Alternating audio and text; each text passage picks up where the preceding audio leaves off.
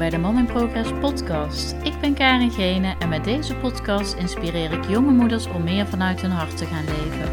Dit doe ik door het delen van verhalen en inzichten, zodat ook jij het beste in jezelf naar boven kan halen.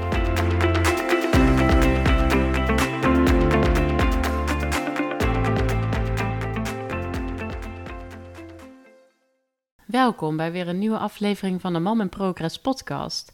En uh, in deze aflevering zit ik in de babyspa van uh, Ilse van der Velde in Veldhoven. Uh, leuk Ilse dat ik bij je aanwezig mag zijn. Nou, je bent welkom. Ja, en ik, ik had je eigenlijk uitgenodigd voor deze podcast, omdat ik um, ja, zelf heel veel ervaring heb met jouw um, ja, praktijk. aanbod, met jouw praktijk eigenlijk, hè, met jouw baby massagecursussen en jouw baby taalworkshop. En ja, laatst ook nog eens van jouw baby spa heb mogen genieten. En het leek me zo leuk om met jou in gesprek te gaan over uh, ja, alles wat je eigenlijk doet in je, binnen jouw babypraktijk. Nou, kom maar op, gezellig. En um, uh, zou je jezelf eens willen voorstellen? Uh, wie ben je? En um, vooral ook benieuwd naar hoe ben je eigenlijk begonnen aan dit, deze droom? Want dat is het eigenlijk inmiddels, denk ik. Ik noem het een passie. Ja, ja. Een passie. Ja. Nou, men, ik ben Ilse van der Velde, 47 jaar, getrouwd met Paul en mama van twee pubers. Inmiddels een dochter van 13 en een zoon van 16. En 16 jaar geleden ging ik een cursus babymassage met hem doen. En dat vond ik zo ontzettend leuk dat ik dacht, misschien is het leuk als ik deze zelf ga geven. Daarvoor heb ik gewerkt in een instelling voor verstandige gehandicapten, 18 jaar lang, waarbij ik gewerkt heb met heel laag niveau verstandige gehandicapten. En uh, eigenlijk onderzoek heb gedaan naar de lichaamstaal van verstandige gehandicapten en de prikkelverwerking. Toen ik mijn zoon kreeg, 16 jaar geleden, dacht ik: Oh, dat is eigenlijk best wel hetzelfde. Alleen hij gaat sneller in zijn ontwikkeling. Toen ben ik uh, de, cursus, uh, de opleiding voor een docent cursus babymassage gaan volgen. Um, begonnen met één avond, want ja, dan was papa thuis en die kon op Job, uh, op mijn zoon uh, oppassen. Ja. Eén avond uh, cursus B-massage geven. En nu zijn we inmiddels 16 jaar verder en heb ik voor de cursus B-massage al meer dan 2500 mensen gehad. Ja, wauw. Dus, en daar is eigenlijk uitgekomen dat ik zag dat er een hele grote behoefte was van ouders om hun baby's beter te leren begrijpen. Ja, precies. Ja, en dat was ook wel waarop ik dan eigenlijk aanhaakte bij jou. En dat ik dacht van, hé, hey, want ik deed toen uh, de babymassage. En je vertelde over de babytaal. Um, nee, ik had denk ik de babymassage gepland staan. Ik was nog niet gestart. En toen hoorde ik over de babytaal. Uh, want ik was al wel bevallen. En toen um, dacht ik, ja, dat is eigenlijk in essentie waar je allemaal waar het allemaal om draait. Hè? Dat je je baby leert lezen eigenlijk, leert begrijpen. Uh, maar ik wist nooit dat daar... Uh, hè, dat, je dat, dat je dat uit bepaalde huiltjes van een baby al kon, uh, ja, kon nee. opmaken eigenlijk. Dus dat vond ik zo, zo indrukwekkend. Kun je daar iets over vertellen? Ja, ik zal sowieso even uitleggen wat babytaal is. Want voor jou is het heel duidelijk wat babytaal is. Ja. Maar uh, een mevrouw uit Australië, Priscilla Dunstan, die is erachter gekomen dat uh, terwijl ze in het kraambed lag, dat haar baby verschillende geluiden maakte. En kwam er ook achter, oh, als hij honger heeft, maakt hij altijd dit geluidje. En als hij dorst heeft, maakt, of als hij... Um, uh, een, een, een, boertje last heeft, dan lijkt dit het geluidje wel. En daar heeft zij tien jaar onderzoek aan gedaan. Toen ik babymassage gaf, toen had ik heel veel kennis. Maar dacht ik, hoe kan ik nou een workshop in elkaar zetten om ouders te leren wat geeft mijn baby eigenlijk aan? Ik had nog niet echt een kant-en-klare workshop. En toen kwam nee. ik in aanraking met dunst en babytaal. En toen dacht ik, ja, dit is eigenlijk hetgene wat ik kan, ouders kan leren. Ja. Dus dunst en babytaal is eigenlijk vijf verschillende huiltjes. Mm -hmm. En een baby maakt ook niet meer dan vijf verschillende huiltjes. En alle baby's over heel de wereld doen exact hetzelfde. Er is een huiltje voor honger. Er is een huiltje voor vermoeidheid. Er is een huiltje voor een buikkrampje. Er is een huiltje voor een boertje. En een huiltje voor een ongemaksgevoel. En dat zijn eigenlijk, zeg ik, huiltjes. Maar eigenlijk zijn het geluiden. Mhm. En de workshop die je bij mij gevolgd heeft, hebt, die is nog wat aangepast. Want ik heb de workshop aangepast. Wat geeft de baby aan lichaamstaal aan voordat hij gaat huilen? Dus bij elk geluidje leg ik eigenlijk uit wat zegt de baby en eh, hoe kun je dat horen. Maar hoe kun je zien aan de lichaamstaal dat het kindje eigenlijk wil aangeven dat er iets aan de hand is. Ja, Want dat is het meeste wat eh, eh, zo ontzettend onzeker is voor ouders. ja, Dat als je een papa en mama wordt en je denkt: oké, ik heb nog nooit een baby in mijn hand gehad. Hoe doet hij het? ja is er precies. een handleiding? Ja, ja, En als je alles op je je nou gevoel moet doen, Ja. dan word je heel onzeker. ja. Ja, en dat merkte ik ook echt. En eh, ja, vooral, ik heb dat samen met eh, mijn partner gedaan. Hè. Wij zijn naar een avond gekomen. eh, tegenwoordig doe je het online, Ja. begreep ik, hè? Ehm, dat vond ik ook fijn dat, dat je de partners daar ook mee in kan betrekken. Ehm, als je partner ervoor open staat. Maar ehm, ja, dat je daarin echt gewoon ook een team kan vormen, zeg maar. Dat je gewoon die kennis dan kan delen en samen kunt, eh, eh, kunt analyseren wat voor geluidje het is. En eh, ik merkte dat mijn man er ook wat handiger in was en, en het, het eerder herkende dan ik zelf. En ehm, Mannen kunnen heel goed observeren. oh, oké. Die kunnen Nou, heel goed observeren, veel beter als voor? wij. en wij kunnen eigenlijk beter het geheel zien. ja, oké. En, en Nou. de essentie daarvan is. En, Ja, Maar het is goed dat je dat zegt voor de mannen, want ik ben ontzettend voor die papa's. ja, Echt, wij mama's en ik ben ook een mama. Hè? ja, En ehm, ik eh, heb echt heel veel respect gekregen voor mijn man. Want die is echt op een gegeven moment op zijn strepen gaan staan van luister eens. Ik wil, ook, eh, hè, ik, wil, ik wil ook weten wat er aan de hand is. En ik ben zo'n gevoelsmens, dus ik deel alles op mijn gevoel. ja. Nou ja, daar wordt een man niet goed van. Want nee, die denkt, want dat ja, kun je niet uitleggen. dat kun je niet Nee. uitleggen. Dus die workshop, zeker voor die mannen, probeer ik die workshop zo ja, niet serieus mogelijk te geven. Laat ik het zo zeggen, handvatten zodat ze aan de gang kan. Ja, En waarom is dat ook zo fijn voor die moeders? Is op het moment dat die, die moeders, die, worden, die, die vrouwen, die worden moeder, die krijgen een babytje en er komt een gevoel bij ze, een soort geboorte en, en zwangerschap en, en, en eh, ehm, bevallingshormonen die er allemaal binnenkomen. Maar ze vergeten dat papa's dat ook hebben. Papa hebben ook die hormonen, alleen andere hormonen als vrouwen. En wij vrouwen hebben de neiging om alles naar ons toe te nou, trekken. zoet te trekken, ja, absoluut. En dan geef je eigenlijk geen ruimte aan je partner. En dat is eigenlijk wel heel erg jammer. Want op het moment dat je ruimte geeft aan je partner, krijg je zelf heel veel energie terug van je partner. Ja, Als je alles alleen wil doen, dat je denkt: oké, ik geef borstvoeding, ik kan die baby alleen maar rustig krijgen. Bij jou lukt het niet. Als, die, als je de man geen kans geeft, dan, dan, dan maak je het jezelf eigenlijk alleen maar moeilijker. Daar heb je absoluut een punt, denk ik. Want op een gegeven moment, in het begin denk je, ja, dat lukt allemaal wel. Op een gegeven moment kom je in een fase dat je ook denkt van, hè, dan slaat de vermoeidheid toe. En dan denk je, ja, ik zou er wel eens even op uit willen. En dan, eh, eh, ja, tenminste, dat herken ik van mezelf. Dan heb je ooit het gevoel dat je niet weg kan. Want jij, Ja. Jij begrijpt de baby zo goed, hè, Ja. je kind. En dat, Nee, dat, heb je ik wel een zelf goede in- aanvulling. Ja, En dat heb je zelf eigenlijk in stand ja gehouden. precies. Dus op daarom zijn mijn workshops, die kosten 35 euro online en papa's gratis. ja, Ik had ook neer kunnen zetten, de workshop kost 35 euro voor papa en mama. ja, Nee, de workshop kost 35 euro en papa is gratis. ja. Dan krijg ik die mannen mee. Het gaat mij er niet om dat ik die mannen mee wil hebben. Nee. Maar op het moment dat die mannen daar zijn, ik probeer echt handvatten te geven. Oké, de baby die doet dit en die doet dit. Wat moet ik dan doen? Dan moet je dit doen. Dat Ja. willen die mannen graag weten. Dus niet al dat gevoel eromheen, maar meer van: oké, wat geeft die baby aan? Oké, wat is de handvat die ik dan moet doen? En is het dan opgelost? Ja, dan is het opgelost. ja, en dan krijgen, ze ja. dan krijgen ze gewoon heel veel zelfvertrouwen. En doordat de man zelfvertrouwen krijgt, word je een team. Ja, En dat team is ontzettend belangrijk, want wij denken vrouwen allemaal dat wij het allemaal zelf wel kunnen. ja. Alles draaiende houden. En dan na een paar jaar denk je van, "Ah, het is allemaal wel heel erg veel. ja, precies. Dus ja. als je vanaf het begin af aan die mannen meepakt en, eh, en ze ook uitleg geeft, zeg maar, dan kunnen ze ook zeggen, luister schat, je moet Ja. hem nou niet aan de borst leggen. Ik hoor dat het een vermoeidheidshuiltje is. Jij wil hem sussen door hem aan de borst te leggen. Geef hem maar eens hier. Maak een bolletje van hem. Heb ik van Ilse geleerd.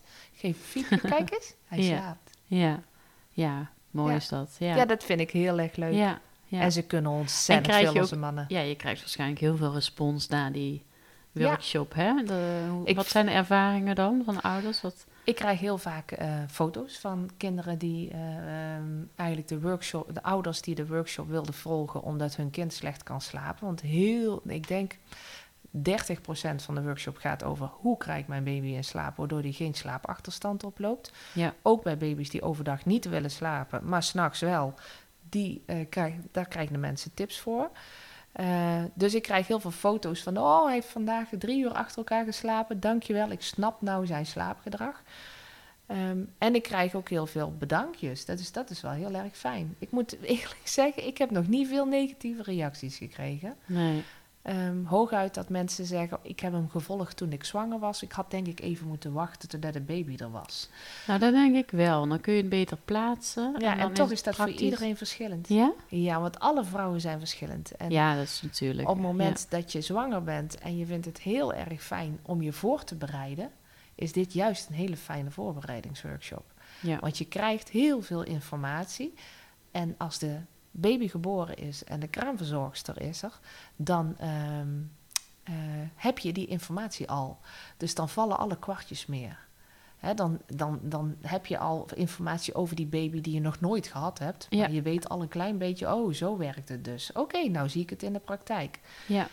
Als mensen al een babytje hebben en ze doen dan de workshop, dan ze, hebben ze eigenlijk bijna altijd zo'n aantal weken zitten struggelen van, oh, ik heb al wat probleempjes, ik zie niet, daarom kom ik nou bij jou die workshop ja dat is waar. Dus ja. het zegt allebei wat. ja. En daarom als mensen zwanger zijn, dan zeg ik altijd, kom niet eerder de workshop doen als 34 weken. Als mensen 36, 26 weken zwanger zijn, zeg ik jongens niet doen. Want het duurt nog zo lang voordat die baby geboren wordt. Dat vergeet je allemaal. Ja. Dat is sunt van de workshop. ja, Op zijn. Brabant sunt. Ja, precies.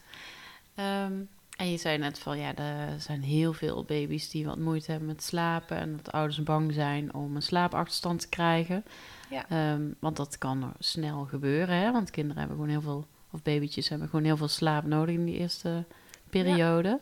Ehm, wil je daarin een tip delen? Eh, Ik wil daar wel een tip in delen, maar die workshop duurt niet voor niks een uur en drie kwartier. ja, Dus wat ja. de meeste ouders van mij willen horen is: oké, hoe krijg ik hem in slaap?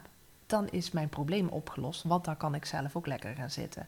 En dat snap ik wel, maar ik moet wel uitleg geven over hoe dat de hersens werken bij een baby, want dat het niet elke keer hetzelfde is. Ja, En een tip is dat je niet moet doorgaan zodat hij echt keihard aan het krijsen is. Eh, en dan moet je de baby eh, eigenlijk rustig krijgen, dat die adrenaline moet zakken. En dan, eh, ja, dan, dan heb je de meeste kans dat hij rustig wordt. Maar hij moet eerst rustig worden. Dan ben je eigenlijk al veel te laat. ja. Dus een, heel veel mensen vragen: heb je een tip? Nee. Nee, je moet echt die workshop volgen. Want op het moment dat ik nou een kleine tip geef, dan zit daar een uitleg van een half Ja. uur voor. En als ik alleen die tip geef, maakt mij niet uit. Maar dan gaan mensen die opvolgen, dan werkt het niet. Nee, nee, dus precies. ja. Ja, ik snap wat je zegt. Ja. Heb jij een tip waar jij iets aan gehad hebt met die babytaal workshop? Nou, wat ik dus eigenlijk nooit meer heb gedaan, is... want je zegt van eh, adrenaline hè, wordt opgebouwd door eh, ja, stress eigenlijk. Hè? Dus het huilen, het huilen, eh, het, het hongertekort, ja, wat het dan ook mag zijn, waarom de baby huilt.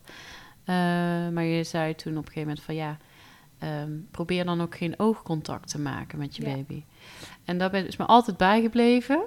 Eh, dat ik dacht van, oh ja, niet, niet aankijken de baby. Want dan komt er weer een, een connectie hè, met de baby. En het Ja. grappige is, de baby doet het ook niet met jou. Dus je hoeft en dat zelf is me het niet te opgevallen doen, inderdaad. maar de baby doet Ja. het niet. ja. Op het moment dat jij dan actief gaat zoeken waar is dat oogcontact, want je wil me niet aankijken, dan gaat de baby wegkijken. Dus op het moment dat de baby je aankijkt en je maakt oogcontact, maar je wil dat hij gaat slapen, dan is het niet zo erg. Maar op het moment dat de baby wegkijkt en je gaat dan bewust dat oogcontact opzoeken, dat moet je niet Ja, doen.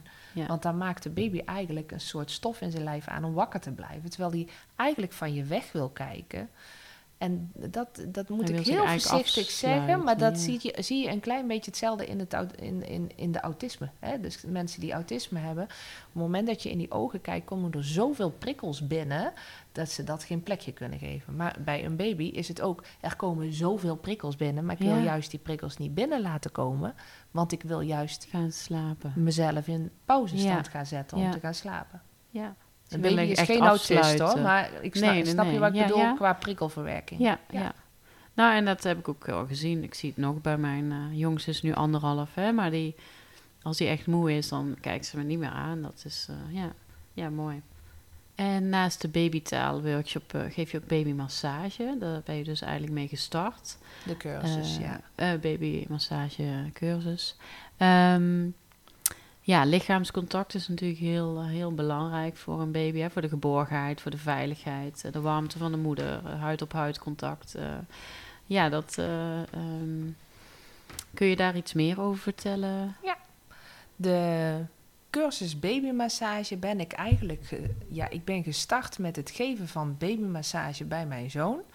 Omdat ik het zelf heel prettig vond om hem te aaien en om hem te laten voelen dat ik heel veel van hem hou. Dat is eigenlijk mijn gedachte geweest van de Ja. babymassage. Ja, En toen ik op een gegeven moment merkte in mijn omgeving dat heel veel vrienden van ons van vroeger heel weinig lichamelijk contact doen naar elkaar. En ik stond er een beetje bekend van in de vriendengroep dat als ik iemand eh, zag, dat ik nooit een hand gaf, maar altijd over de rug wrijfde. En dan zei ik, hoi, hoe is het? En dan wrijfde ik over mijn rug. En dan kreeg ik het terug in allemaal filmpjes op mijn trouwen. oh Ik ja. vind het wel grappig, maar iedereen ging mij nadoen op die filmpjes bij mijn trouwen. ja. Maar ik vind zelf eh, dat het ontzettend weinig mensen lichamelijk contact hebben gehad. Ik heb zelf een heel fijn gezin. Ik heb een goede relatie met mijn man. Ik heb een goede relatie met mijn kinderen. Ik heb warme vrienden om me heen. Dus daar ben ik mee gezegend. Gezegend met het feit dat ik een hele veilige jeugd heb gehad. Dat ik een vader en mijn moeder hebben gehad die willen laten zien hoeveel ze van mij houden.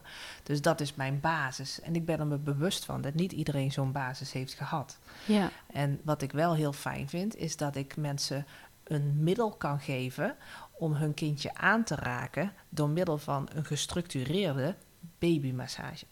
Dus op het moment dat mensen bij mij komen en ze, eh, kijk, er komen hier van de 2500 mensen voor de cursus babymassage zijn het geen 2500 hetzelfde. De ene is heel onzeker. De, e- de ander durft het kind nauwelijks aan te raken. De ander komt hier puur niet voor de babymassage, maar het is hier zo gezellig. Ik wil een vriendengroep gaan opkweken, allemaal met mensen met dezelfde leeftijd kindjes. Dus iedereen zit hier voor een ander doel. Ja, En het doel van mij is, is dat mensen zich veilig voelen, dat mensen zich gehoord voelen, dat ik ze wat leer over hun baby, zodat ze, die baby zich beter begrepen voelt. En door middel van de babymassage leren ze eigenlijk hun babytje aan te raken door middel van een bepaalde volgorde. En waardoor er een heel intiem contact ontstaat. En bij mensen die daar totaal geen problemen mee hebben, die oh en lekker gaan masseren, gaat dat allemaal automatisch. Mhm. Maar je hebt hier ook ouders die hun baby's echt nauwelijks aandurven raken. En doordat ik hun een middel geef hoe je een armpje moet pakken en hoe je gaat vanuit de schouder naar het handje. En wat dat met een baby doet als je dat heel snel doet. En wat doet dat met een baby als je het heel langzaam doet. Er is een prikkelverwerking vanuit het hoofdje, vanuit de hersen. Dus ik leer eigenlijk mensen om hun kinderen aan te raken. ja. En probeer ze ook te stimuleren dat ze dat ook nog gaan doen als de cursus voorbij is, maar ook als de kinderen twee zijn. ja. Wanneer het niet te doen is, echt niet te doen, is tussen de negen maanden en de anderhalf, want dan kruipt je kind de hele tijd weg. Die ben je de hele tijd toe aan het trekken. Heb ik met mijn eigen kinderen ook niet gelukt. Maar dan ging ik naast ze zitten als ze aan het spelen waren en dan ging ik ze aaien over hun kleertjes. En dat vonden ze heel prettig. Oh ja, ja. Dus ik vind het heel belangrijk om dat te doen. Van de andere kant wil ik mezelf daar ook niet in verliezen. Dus ik heb mijn kinderen gemasseerd, maar op een gegeven moment ook gewoon gestopt. Ja, Want het kind gaf zelf aan, Het ik ben er wel een beetje klaar Ja. mee, mam. ja. Dus dan zei ik van, nou, wat wil je? Ik wil geen massage. Ik zei, nou prima, wat wil je dan? Nou, mooi, dat, Verhaaltje. Mooi Nou. dat je kind die grens aangeeft. Nou, heb ik op een gegeven moment zelf ook gezegd. Jullie Ja. mogen ook, ik zag het op een gegeven moment, maar ze zeiden het niet. Dus toen ben ik gaan aanbieden, luister eens, wat wil je vanavond een verhaaltje of wil je een massage? Ja, En dan merk ik dat ik het- zelf ook doe hoor. Dan, eh, Ja. je- ja, die keuze geven inderdaad. Bij, eh, En zeker bij jongetjes. Jongetjes Ja. gaan zich op een gegeven moment een klein beetje afzetten. En zo'n meisje, dat gaat nog tegen... Jongens gaan ook tegen je aanhangen. Maar op een gegeven moment worden jongens groter. En dat zijn jouw leeftijd kindjes nog niet. Maar ik weet dat mijn zoon een, eh, een jaar of negen was... en helemaal klaar was tegen mij aanhangen. En die ging steeds met mijn papa doen. Die ging steeds met voetballen. Ja, als moeder voel je je ontzettend opzij gezet. Ja, Maar op de momenten ja. dat er was... kwam hij altijd wel weer bij mij. Ja, Hè, en ik denk dat ik die basis van die eerste jaar, en zeker die eerste jaar van de babymassage, dat ik hem een basis van veiligheid heb gegeven. En nu is hij 16, is hij zichzelf verder aan het ontwikkelen als man. ja. En dan moet je geen moeder hebben die de hele tijd boven je hier aan het aaien is. Nee, nee, absoluut niet. Nee. Maar dan nog ga ik naar hem toe en zeg ik, luister eens jongen, ik wil even een knuffel. Ja, waarom? zegt hij dan. ik zeg, ik heb, je moeder heeft er even behoefte aan. Ach, kom hier vrouwke, zit hij dan. En dan pakt hij me vast. Oh, Dus ja. Ja, Ja, het dat- kan nog steeds natuurlijk. kan nog steeds. Ja, ja. ja ik merk eh, dat het... eh, ja, mijn oudste is dan vijf. En dat die... Die heeft dat wat minder dan die andere. Die, eh, die zijn nog wat jonger natuurlijk. Maar dat doe ik toch nog wel vaak een voetmassage. Met een Ja. lekkere olie. En dan vindt hij ook gewoon... Daar vraagt hij dan ook wel eens om. Ja, Ja. Het is niet altijd alleen maar het lichamelijke wat je met een kind kan doen. Het heeft heel veel te maken met hoe komen prikkels binnen. Een heel klein dingetje, nee, twee verschillende dingen die ik wil aanstippen is één ding, hoe wordt een baby geboren? Geboortepatronen. Wat voor geboorte is het? Heeft hij vastgezeten in het bekken? Eh, heeft hij een hele soepele bevandeling gehad waar niks mee aan de hand is? Is het een spoedkeizersnee geweest? Heeft Ja. allemaal invloed op de komende jaren Ja. hoe dat een kind aangeraakt wil worden, wat een kind ervaart. Ja. Dus op het moment dat een kind geboren wordt, eigenlijk is het al, eh, ja, maar dan ga ik wel heel erg diep, eh, Voor- in de eicel vastgelegd. Voor de je- conceptie, ja. ja, voor de conceptie. dagen. Maar dat weet je allemaal niet. Daar moet je allemaal niet te veel over na gaan denken. Maar kijk naar je kind wat hij aangeeft. Wil je kind niet aangeraakt worden? Prima. Doe het op een andere manier of bied het hem een andere tijd nog een keer aan. En laat het kind zijn zoals ze is. Ja, Of zoals hij is. ja. En dat is heel erg belangrijk. Dus dat maar je het ook kind eh, ziet. wat ik nu doe is, ehm, kijk, een kind valt bijvoorbeeld en dan, eh, dan heb je de neiging om meteen op te pakken en hè, knuffel te geven. Oh, kom maar, kus erop. En, eh, maar ehm, wat ik tegenwoordig vaker doe is gewoon ehm, even vragen van, wil je een knuffel van mama? Heb je hulp nodig? Want soms voelt dat voor een kind helemaal niet alsof ze dat nodig hebben. Maar wij als moeder En hoe heb je, dat, heb je dat bij iemand ooit afgekeken? Heb je dat Ja, ooit keer, gezien eh, dat iemand het doet? Ehm, ik, ik weet niet waar ik die tip heb opgedaan. Weet je hoeveel mannen dit doen? Wat? Mannen doen dat veel. Vragen. Gewoon even afwachten. Ja, Weet je, een man die is ervoor geboren als die een vader wordt om te zorgen, nou ben ik heel zwart-wit hè, om te zorgen dat die kinderen zo sterk mogelijk Ja. maken, waardoor ze later op zichzelf kunnen staan. Wij als moeder zijn er om te zorgen op veiligheid, armen eromheen, geborgenheid, hè, alle Ja. dingen. En die combinatie is een hele goede combinatie. ja, En dat zie je vaak, dat mannen, als een kind valt, dan rent die vrouw er al achteraan. Oh jee, ik moet hem beschermen. Terwijl de man denkt, oké, kan hij opstaan? Kan hij lopen? Heeft hij me nodig? Ben ik er altijd voor hem. ja, Dat is een Ja. hele andere. Dus we Ja. kunnen allebei van elkaar leren. Als we naar elkaar blijven kijken, hoe we opvoeden. En mannen en vrouwen zijn gewoon verschillend. ja, En in deze generatie moet ik ook zeggen, twee vrouwen, twee mannen, precies, precies hetzelfde. Twee vrouwen, er is geen stel, twee vrouwen die bij elkaar zijn, die exact hetzelfde zijn. nee, precies. Er zit er altijd eentje bij die iets verzorgender is, de andere die iets afstandelijk is. Er is het ligt aan het... Aan, ja, het, zit, het heeft eigenlijk te maken met mannelijke en vrouwelijke energie, hè? Ja, En eh, dat heb je eigenlijk allemaal in je. Ja. En nou noem bij- ik een, een vrouw, die twee vrouwen zijn geen mannelijke energie. Dat vind ik dan een beetje moeilijker om dat te zeggen. Nee, maar het kan soms zijn dat in, een, in een vrouw een mannelijke energie iets meer eh, op de voorgrond of aan de oppervlakte ligt. Zou dat, kunnen. dat meer, zeg maar. Zou kunnen. Dus Ik wil nooit Ja, over nee. mannelijke praten bij twee vrouwen. Vind ik moeilijk.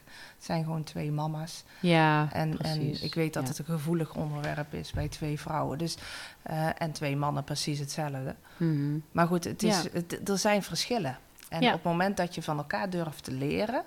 En dat je zoiets hebt van, oké, hey, ik heb dat gezien. Waarschijnlijk, je bent dat zelf gaan proberen, maar dat heb je ooit een keer ergens gezien. Ja, of absoluut. gelezen of Ja. alles. Ja. Ja. Ja, en daar sta je dus voor open. En dat En- is iets heel moois. Ja.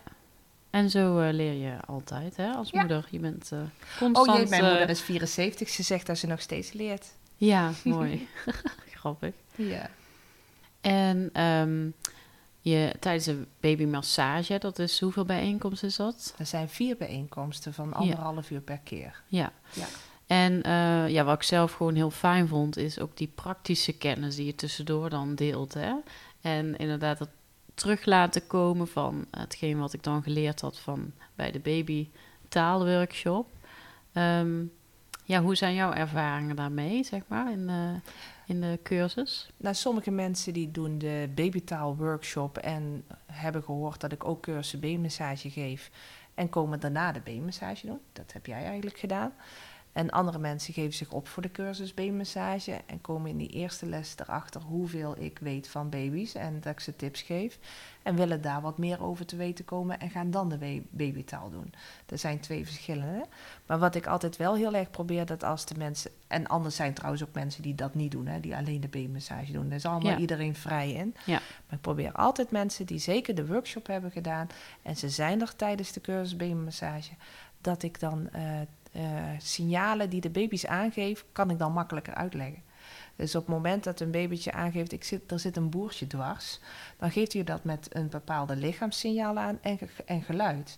Als ik zie dat de ouder daar niet op reageert en die heeft wel die workshop gedaan, dan zeg ik, hé, hey, luister eens. Weet je nog wat ik uitlegde over dat boertje en die lichaamstaal? Dat doet jouw baby nu. Luister maar eens. Ja, Dan kunnen ze het namelijk op hun eigen kind gaan horen. En dat is echt geweldig. Want na Ja. vier weken heb ik zoveel tips aan iedereen gegeven. Niet een tip in het algemeen, maar hoe jouw kind dat doet. ja precies. En dan leer je hem eigenlijk in een boost kennen. Ja. Hem of haar. Ja, en dat dat, is was heel echt fijn. heel waardevol. Ja, dat vond ik echt. Maar ook ehm, tussendoor wat praktische kennis over bijvoorbeeld maxicosi. Hè, wat jij zelf al aangaf toen, eh, weet ik nog, dat je zei van ja, ik wist niks over een maxicosi, die koop je in de winkel. Ja. En dat er dan weer heel veel functies aan zitten. Bijvoorbeeld, maar ook het dragen van een kind. Hoe kun je het beste een kind dragen? ja, niet alleen het dragen, maar ook hoe kun je zorgen dat het kind zelf actief meedraagt. En dat klinkt echt raar, maar je kunt het kind oppakken waardoor je alles van hem overneemt. En dat doen wij mama's zo graag, hè. Ja. Huppakee, heel ons lijf Ja. er naartoe. En dan kindje als hij maar zelf niks hoeft te doen. Maar je kunt ook het kindje zo oppakken en neerleggen... zodat hij zelf zijn buikspieren en zijn, rek- en zijn nekspieren elke keer gebruikt... bij het optillen en bij het neerleggen. Ja, En als je Precies. dat doet, dan gaat de buikspieren gaan veel harder dru- werken. En doordat die buikspieren harder gaan werken, zetten die de darmen in werking. ja, Nekspieren, als die wat meer getraind worden en het babytje wordt op de buik gelicht, dan kan die ook veel makkelijker zijn hoofdje optillen. En dat is wel een stukje van de afgelopen 10, 12 jaar. Sinds de rugligging het landelijk advies is, zijn baby's allemaal veel te slap.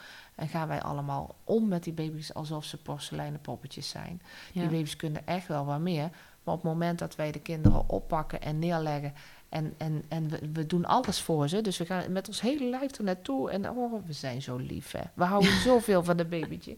Maar het babytje kan echt wel wat meer. ja precies. En die ja. vindt het ook fijn om, Ja. om wat meer te mogen kunnen. Ja, En dat vind ik wel heel erg leuk tijdens mijn babyspa en de babymassage. Hè, want bij de babyspa kun je ook eh, babymassage daarna doen. Mhm. En dan moet het kindje even op het kontje gezet worden om de kraag om te doen. En dan kan even niet het hoofdje vastgehouden worden. En dan zie je ouders, "Oh," ik zeg ja, maar hij valt er dadelijk niet af.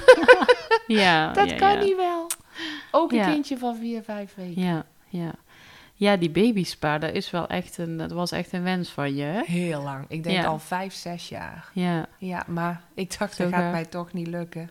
nee? We hadden net 18 jaar verbouwd. Ja, En eh, ik eh, heb zitten denken om een pand te gaan huren en daar helemaal te gaan verbouwen. Maar ik ben geen persoon die eh, zeven, vijf dagen in de week weg is van huis bij mijn vrouw. Bij nee, mijn je bent zelf ook kinderen. moeder, ja. En ik had zoiets van, nee, dat wil ik ook niet.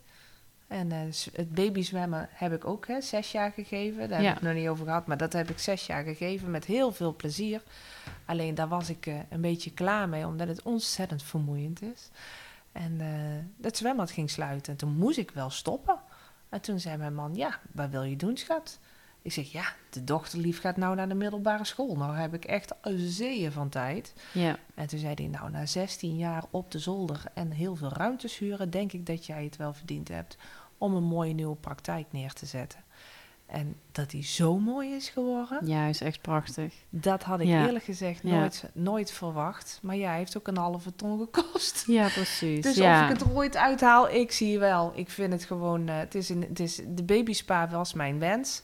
En eh, een vriend van mijn man, die was architect. En die zei, als je het zo en zo doet, kun je echt een ruimte van 8 bij 6 neerzetten. Dat is echt heel mooi. ja, En dat eh, hebben wij helemaal zelf gebouwd. heel gaaf. Ja.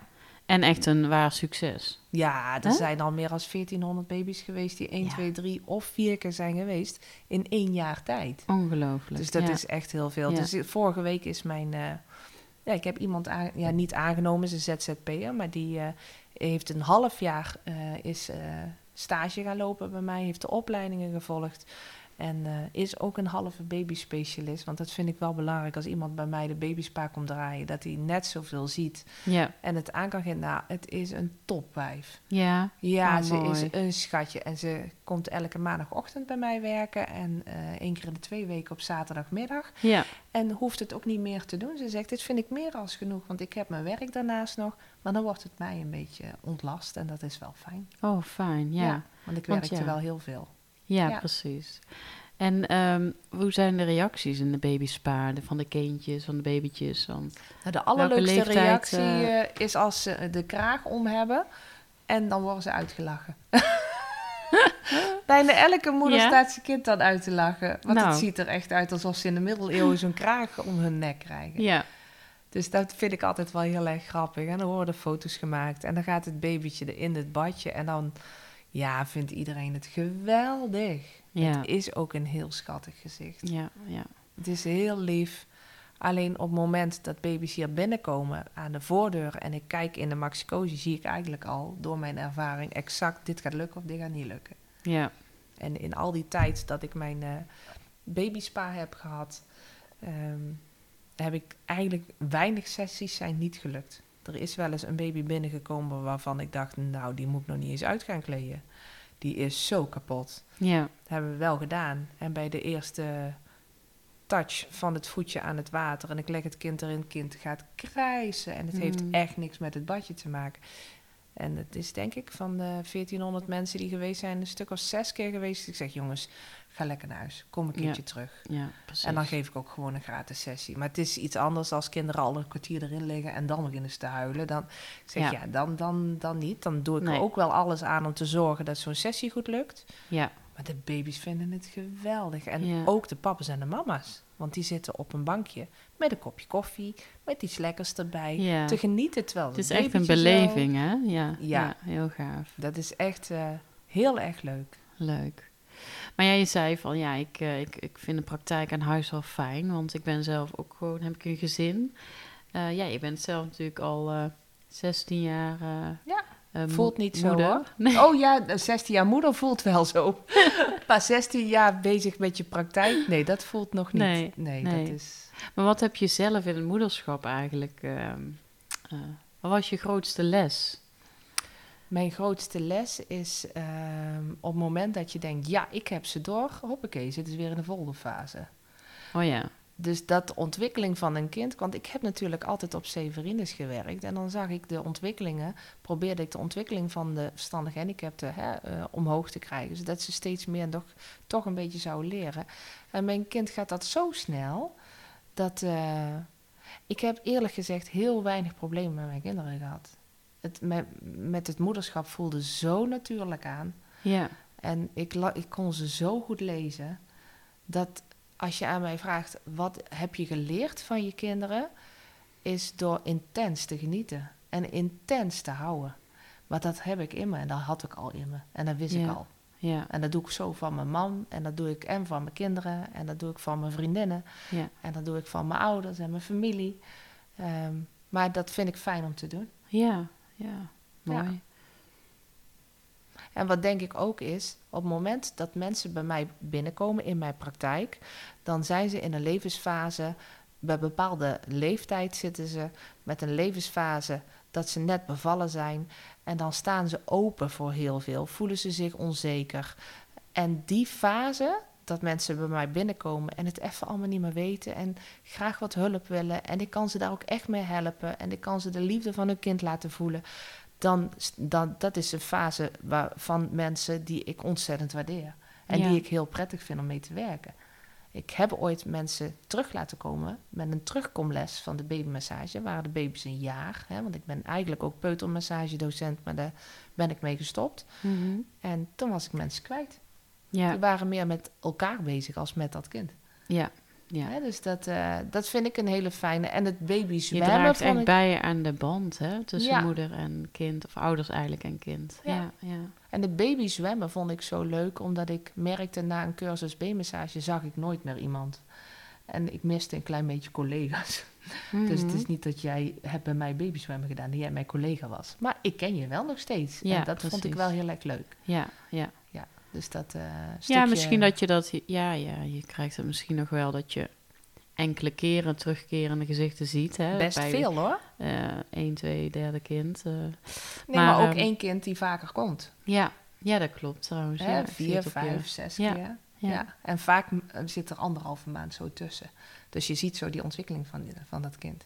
Kreeg, Ja. eh, laatst kreeg ik een kaartje van iemand met allemaal foto's hadden ze van de eerste keer dat ze bij mij waren. En de Oh, tweede leuk. keer en de derde keer met het kindje terwijl Ja. hij één jaar was. En dan kreeg ik zo'n fotocollage. Nou, dat is hartstikke leuk. Ja, En mensen toch gewaardeerd dat ze, Ja, dat ze er geweest zijn. ja. Ehm, ja, Ilse, ik vond het echt eh, heel, eh, heel leuk, het gesprek. Echt eh, heel waardevol, denk ik ook, voor heel veel, misschien wel moeders in spe of, of jonge moeders die, die hier nog iets van konden leren. Ehm, hoe kunnen mensen jou vinden? Op heel veel verschillende manieren. Op social media sowieso. Babypraktijk Ilse. Op Instagram en Facebook. Ehm, de website babypraktijkilse.nl. Ehm, als je alleen maar babymassage Veldhoven zit je mij al. Ja, Babymassage Ilse zie je mij al. Begeleiding Ilse. Ja, je hoeft eigenlijk maar Ilse en baby in te toetsen op Google. Je vindt volgens mij mij wel. Maar dat komt omdat je al 16 jaar bezig bent. Dan Ja. zit je onderhand best wel bo- hoog bovenaan in Google. ja precies. Dus kijk ja. de website maar eens. Dan, ik eh, zou het eh, echt iedereen eh, aanraden om een keer ja, binnen jouw praktijk iets, iets te gaan doen. Dat is echt heel waardevol. En vooral als je ja, je kind beter wil leren begrijpen en die band wil versterken. Nou, ik voel me vereerd dat ik hem aan een podcast mee mag doen. Nou, het is echt iets nieuws. Ik vind het hartstikke leuk. Ik heb Ja. het met veel plezier gedaan, eh Nou, Karen. En ik wens zo, je leuk. heel veel succes met, eh, met je werk eh, en je nieuwe passie waar je nou mee bezig bent. Ja, dankjewel. Dankjewel. Graag gedaan. Dankjewel voor het luisteren naar deze podcast. Ik zou het superleuk vinden als je me even laat weten wat je ervan vond en of je een inzicht uit deze podcast hebt gehaald. Wil je in gesprek met me? Dat kan natuurlijk ook. Meld je aan voor een cocoongesprek waarin ik mijn inzichten met je deel zodat jij weet welke volgende stap voor jou belangrijk is. Stuur me een berichtje naar karen.karengene.com of volg me op Instagram karen.gene. Graag tot de volgende keer.